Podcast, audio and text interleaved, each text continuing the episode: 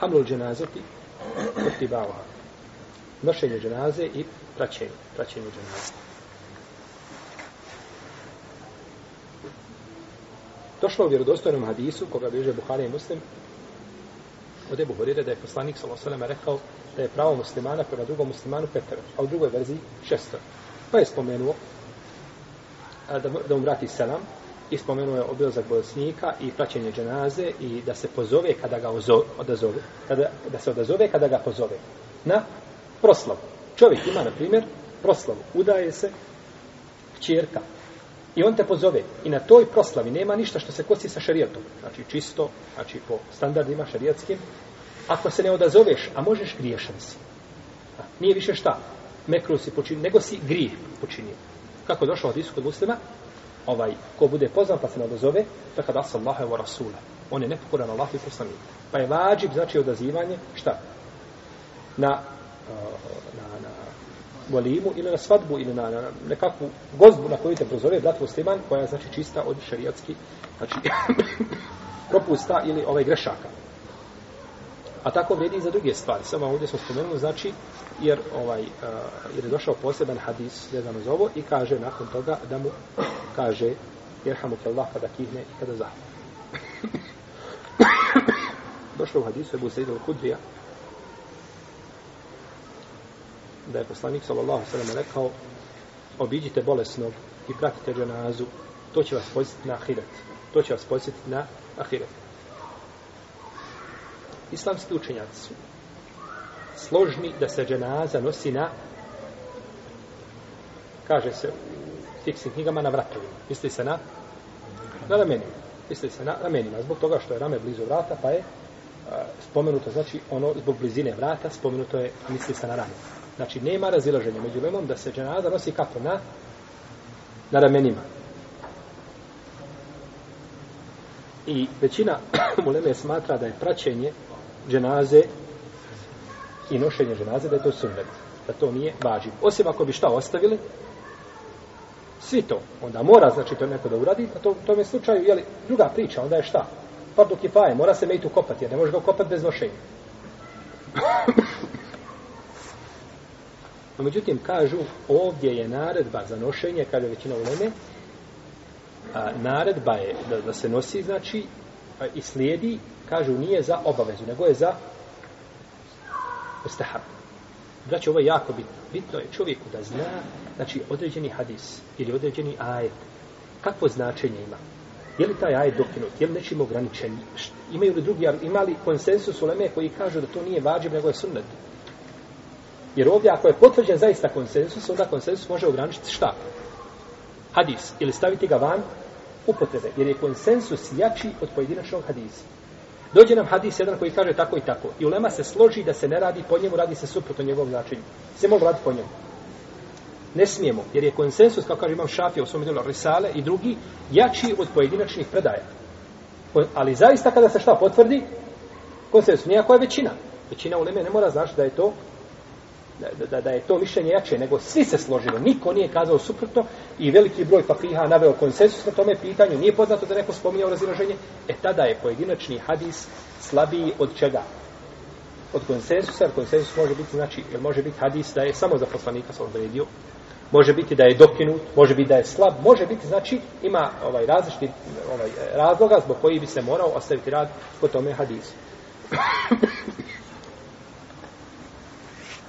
Jer, braćo, ponekad imamo hadise koji, koji kada bi mi spoljašnje tumačili i ne bi, ne bi gledali šta su islamski učenjaci govorili o njima, napravili su belaje velike. Na primjer, poslanik, sa osam kaže u hadisu, koga bilježi imam termini od, od eh, uh, Ibn Mesauda, i hadis je dobar, kaže imam termini da je dobar i drugi kaže da je dobar, ovaj da je rekao poslanik, sa sam la te tehidu daja, fe terkenu fit dunija. Nemojte uzimati baju, nemojte sebi to priuštiti, pa da se tako predate dunjalku. Šta je baja? To su nekretnine u šarijetu. Nekretnine, znači, kuća, ovaj, zemljište, u redu, stanovi. Nemojte, kaže, to uzimati, pa ćete šta? Tako se nakloniti dunjalu. Hadis došao, rekao ga poslanik sallallahu sallam, kako da mi postupimo? Uzmemo taj hadis i kogoda je kupio kuću, kažemo, uvajle, teško ti se, džahennem. Ili uradio suprotno sunnetu. Ili to što su radio, kosi se. Pa sahabi su imali kuće. Poslanik je imao svoje kuće. Za svoje žene imao po sobe, tako.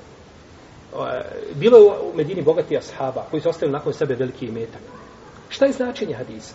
Ako bi uzeli samo tako spoljašnje značenje hadisa i mi ga tefsirili po našem nahuđenju, napravili belajeve. Nego znači obaveza je čovjeku da pogleda uvijek šta kaže islamski kao nema o tome. Jer svako mišljenje koje je ti kazao, a nije prije tebe niko rekao doleme, znaj da je baltilo što je neispravno. Je nemoguće da niko to ne kaže, niko ne spomene 14 stoljeća i dođeš ti svjetlo 15. hiđarskog stoljeća i da kažeš ljudima, slušajte muslimani, ovako je djelo.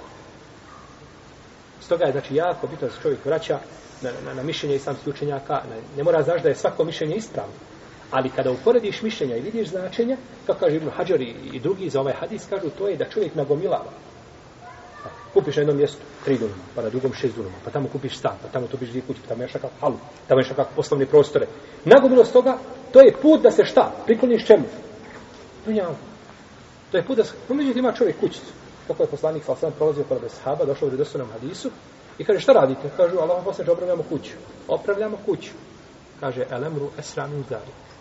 Kaže, bit će sudnji dan prije toga, prije šta opravljamo. No, međutim, nije rekao, pa dobro, to je uzimanje dunjaluka, pa ljudi znate šta radite, pa vi ste, ovaj, radite suprotno moju uputi, pa vi ste, nije rekao. Znači, hadis kada dođe u jednom svjetlu, mora se sagledati sa drugim argumentima i mišljenjima islamskih učenjaka i tek se onda donosi hokni propis. Stoga većina braća, danas ljudi koji su zalutali i otišli u novotariju ove ili one vrste, uzeli su jednu predaju, a zanemarili sve drugo što se govori o toj temi.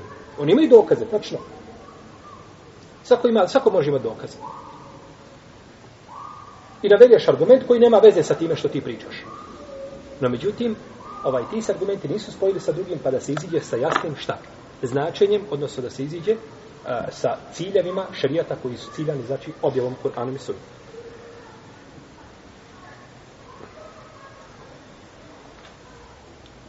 Prokazali smo onda šta da je da je praćenje sunnet osim da to ne obavi niko, onda bi bilo problematično. Jel? Nose, nošenje dženaze, kazali smo da je na ramenima, da je nošenje dženaze na ramenima.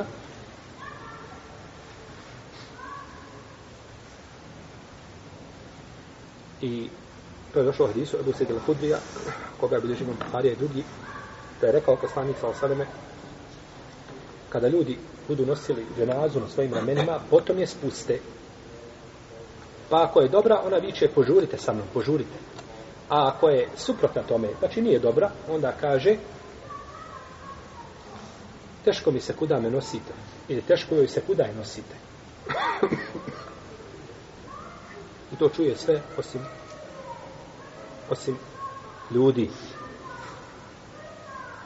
Kaže da bi to, kad bi to čovjek čuo, da bi se one sjestio.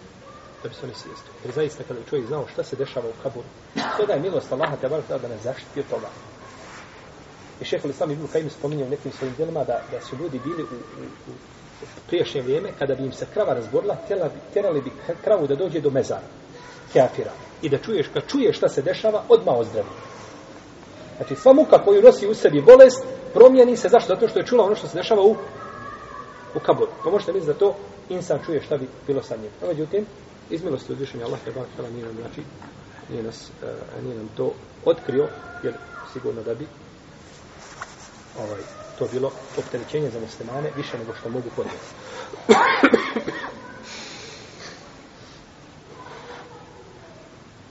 U ovom hadisu je dokaz da je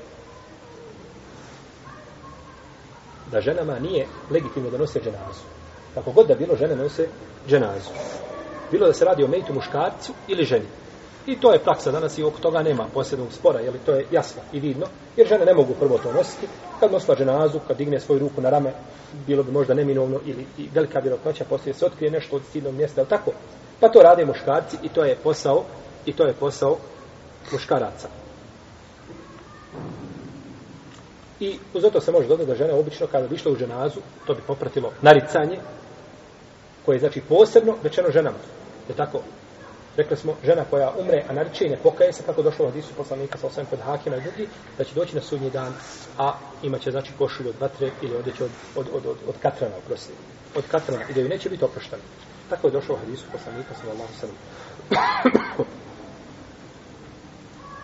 I u ome je također ovaj a, put ka spriječavanju miješanja muškaraca i žene. Jer dok su žene tu, a doći ćemo do pitanja, znači doći ćemo uskoro do pitanja, možda u narednom druženju doćemo do pitanja da žene prate dženazu. Kakav je propis? Je li to dozvoljeno ili je zabranjeno? Je li mekru ili je haram?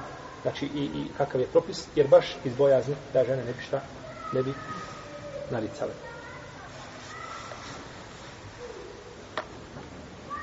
I došlo je u hadisu Abu Hurajra radijallahu anhu, koga bi Buhari i Muslim, da je poslanik, to sam rekao, požurite sa dženazom, pa ako je dobra, to je hajt kome ga nosite dobro, nosite tu dženazu, dobro nekakvom. A kaže, ako je zlo, ako dženaza, odnosno taj mejh nije bio dobar, to je zlo koga ćete se riješiti. Pa ni zemlja, braće, ne voli nepokornike. I zemlja želi da se što prije, površina zemlje želi da se što prije popališe da nisu na površine zemlje, da fesad i ne, ne siju. I ovdje, kada kažemo požuriti sa dženazom, misli se da čovjek hoda malo brže nego obično. Ha? Ne da se, ako smijemo kazati, srlja. I da se dešava možda da, da, da posrne neko noseći naročito recimo kada, kada je guž, kada su velike gužve e, na dženazi je puno ljudi pa da prolaze kao što se dešava u dva harema, tu možete vidjeti ovaj a, čuda koja ne možete vidjeti na drugim mjestima. Ove sam godine vidio nose dženazu i udari, znači ono, ono drvo što se nosi, ovaj, tabuta udari, znači dijete koje je bilo na vratu čovjeka. I on je vidio da je dijete udario ali on ne zna šta je, pa se okrenuo, kada ga je ovdje udarilo, odmah ga je oborilo na zemlju. Znači odmah je pao. To je zabranjeno, tako se može čovjek raditi ozljeda, može uzeti oko i tako dalje. Treba požuriti, no međutim, neophodno je sagledati šta? Okolnosti kuda žuriš. Pa je znači sunet požuriti, a govorili smo i ranije šta znači požuriti sa dženazom. Kazali smo da je to nakon smrti sa kupanjem i sa opremanjem i sa nošenjem, jer ne bi bilo posebno, znači, fajde ili koristi da se požuri samo sa, sa nošenjem dženaze, a otežeš i nastežeš sa njenim kupanjem ili umotavanjem u kefinu.